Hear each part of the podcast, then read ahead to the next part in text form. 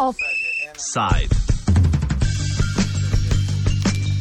Kdo si želi pod krinko zakonodajnega procesa uvesti fiskalno diktaturo? Lahko bi rekli, da smo se že navadili, da se vse nove spremembe, ukrepe in dopolnitve po različnih ministrstvih sprejema pobalinsko, netransparentno in po hitrem postopku. Pri sprejemanju tako imenovanih interventnih ukrepov se že kar praviloma zaobide tako strokovno kot laično javnost.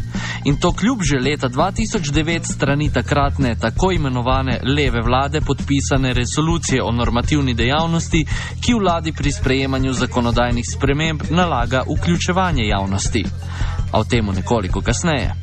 V petek popovdne je vlada Republike Slovenije, natančneje Ministrstvo za delo, družino, socialne zadeve in enake možnosti, na dopisni seji sprejela kopico interventnih ukrepov na področju trga dela in starševskega varstva ter spremembe in dopolnitve zakona o urejanju trga dela.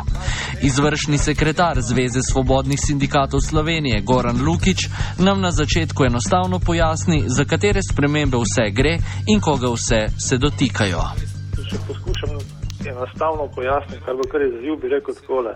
Prva sprememba je znižanje denarnega nadomestila za brezposobne eh, v višini 3%, torej, oziroma znižanje za 3%. Druga stvar je, eh, da se bo mladi do 30. leta Eh, oziroma delodajalce, ki bodo zaposlili mlado osebo, ki je stara do 30 let, omogočilo to, da se ne, bo, da ne bodo plačevali socialne prispevke, torej da bo v bistvu država subvencionirala socialne prispevke za te osebe. E, tretja sprememba je, da se e, tistim brezposobnim osebam, ki se bodo vključile v javna dela, e, da jim v tem času miruje, da ne miruje več denarno nadomestilo, torej da se ukine mirovanje denarnega nadomestila v času e, javnih del. Eh, in pa še zadnja sprememba, oziroma predzadnja sprememba je ta, da se limitira zgornjo višino porodniškega nadomestila na dvakratnik poprečne plače. Eh, in pa res zadnja sprememba je pa ta, da se eh, davčna bremenitev začasnega in občasnega dela, več pa temu malega dela za pokojnice znižuje. Zdaj, Lukič nam v nadaljevanju konkretizira posledice sprejetih interventnih ukrepov, ki jih bodo občutili predvsem socialno najbolj ranljive skupine. Izpostavi dva primera. Ja, primer recimo za zniževanje denarnega nadomestila. Uh, to znižanje, recimo, da znamo, da je poprečni znesek nadomestila nekaj okoli 675 ali pa 673 evrov, bo to pomenilo, da se bo zdaj za tem ukrepom vlade ta znesek za to osebo znižal za 20 evrov mesečno. Zdaj 20 evrov mesečno bi kdo rekel, pa se s tem lahko že to lahko nekako prenesemo, ampak če to potem seštejemo recimo na 25 mesecev za, za dolgotrajno brezposobno osebo, je to 25, 20 je to že 500 evrov. Uh, to pa že uh, druga, druga stvar. Gre pa tudi za to, da so že zdaj znižali nadomestilo, torej prej je bilo najviše višina 1050 evrov, pa se ga za zadnji spremembi zakona znižal na 892 evrov zdaj pa še dodatno 3% za vse znižujejo. Primer recimo za naprej, če vzamemo ne, recimo tole javna dela, o čemer ni dosti govora, ampak je zelo pomembno. Prej je veljalo to, da je brezposelna oseba v času javnih del, da je mirovala na namestilo. To pomeni, da je bila vključena, da je recimo imela 12 mesecev na namestilo, pol je šla v javno delo za eno leto, pa je recimo imela še primeroma 13 mesecev na namestila pravico. No, zdaj se to dvoje v bistvu skombinira in ta oseba več ne bo imela eh, pravice do teh 13 mesecev nadomestila, ker je to kao skupaj. Torej, bo imela javna dela in nadomestilo eh, skupaj. To bo seveda pomenilo kar nekaj denarja za to zasposobno osebo, da bo država vzela. To so recimo dva konkretna primera. Že prej omenjena resolucija o normativni dejavnosti je bila strani takratne tako imenovane leve vlade Boruta Pahorja podpisana leta 2009. Vlado, katerokoli pa obvezuje k vključevanju javnosti pri zakonodajnih procesih na podlagi načel. Mednje sodijo načelo pravočasnega obveščanja javnosti in zagotavljanja razumnega časa za sodelovanje, načelo odprtosti, dostopnosti in odzivnosti. Pri tem je potrebno izpostaviti še načelo transparentnosti, po katerem bi morala biti javnosti zagotovljena preglednost nad podstopki. Nad postopki. Pardon. Po resoluciji je sistem in način, po katerem je vlada v petek sprejela spremembe, neprimeren in predstavlja popoln odstop od določil. Lukič nadaljuje. Kar je ironija, je to, da v bistvu je to resolucijo leta 2009, rečemo temu po narekovaj, takratna leva vlada sprejela, da bi kao vključevala malo bolj javnost, zainteresirano javnost v postopek zakonodaje. Eh, stvar je, tudi, stvar je v tem, da je vlada, ko je sprejela ta sklep v petek, kršila lasten poslovnik, poslovnik vlade, ki recimo določa v 49. členu, da se mora uh, vključevati javnost v postopke. Skratka, tukaj je povozna svojo lastno zakonodajo in ravno to so tisti momenti, ko mi govorimo, da uh, ne gre samo za to, da uh, bo kdo mislil, da smo užaljeni, ker je to naredila v petek popolnem dopisni seji. Gre za v bistvu nezakonito delovanje. Za komentar glede pobalinske udomačitve interventnega sprejemanja zakonov v naših političnih logih smo prosili ustavnega pravnika Andraža Terška. To hitro, tako imenovano interventno sprejemanje zakonov se je pri nas, kot ugotavljate tudi sami, res že udomačilo kot običajen način zakonodajnega odločanja. In to je seveda že pravno gledano, celo ustavno pravno gledano, popolnoma nevzdržno.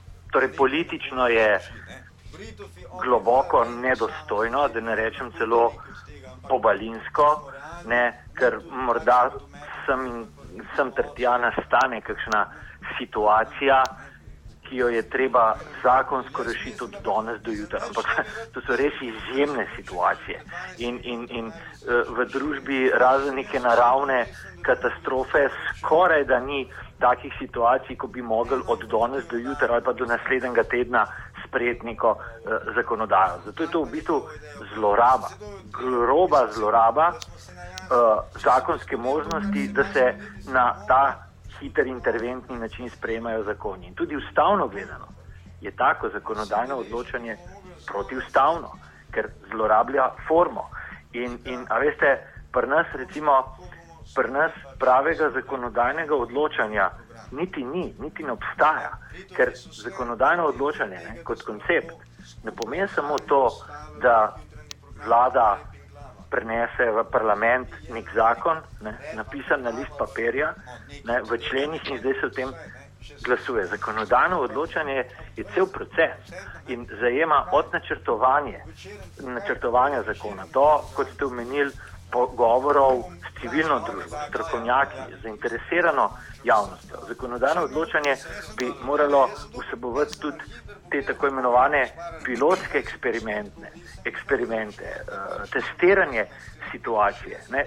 To bi potem bili premišljeni zakoni in bi bili tudi kvalitetni ne, in tudi ne bi bili tokrat protiustavni. Pri nas pa recimo si politiki in, in, in vlada celo upajo, recimo, javno reči, da vedo, da nek zakon ni najboljši, ali pa da celo vedo, da je protiustaven, ampak ga bojo vsem sprejeli in če bo koga kaj motil, pa bo že naslovu zahtevo na ustavno sodišče. Mislim, to je to, če bi pravniki odgovorno upravljali svoje delo, ne, bi, bi pri, pri večini tako sprejetih zakonov morali ugotoviti, da je bila kršena ustava. Ampak pri nas se pač ne zgodi nič.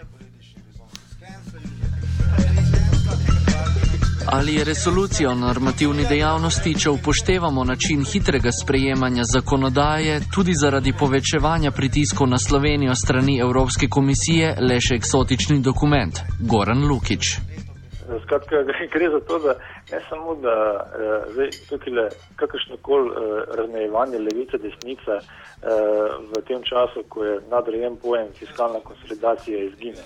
Gre tudi za to, da s tem, ko se je povečeval pritisk Evropske komisije na Slovenijo, se je tudi povečeval nekako pohitrilo s, s tem zakonodajnim procesom in posledično je se zgodi tisto, kar ti praviš. Resolucija, resolucija o normativni dejavnosti postane nek eksotični dokument, ki ga nobene vlade resno ne jemlje, hkrati pa najbolj resno jemljajo virtualne fiskalne signale iz tujine in zaradi tega povodijo lastno zakonodajo. In to je tisto, kar je v bistvu najbolj moteče v tem trenutku. Popustimo levo, desno, ker sploh ni več to pomembno za Slovenijo, nažalost, podarjam nažalost. Gre za to, da si lahko ob takšnem načinu spremljanja zakonodaje.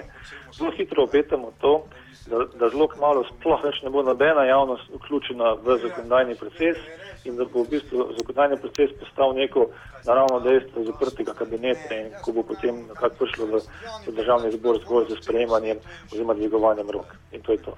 To pa seveda ne moramo reči, da je demokracija, ampak da je diktatura. Offside je pripravil Luka Počivalšek.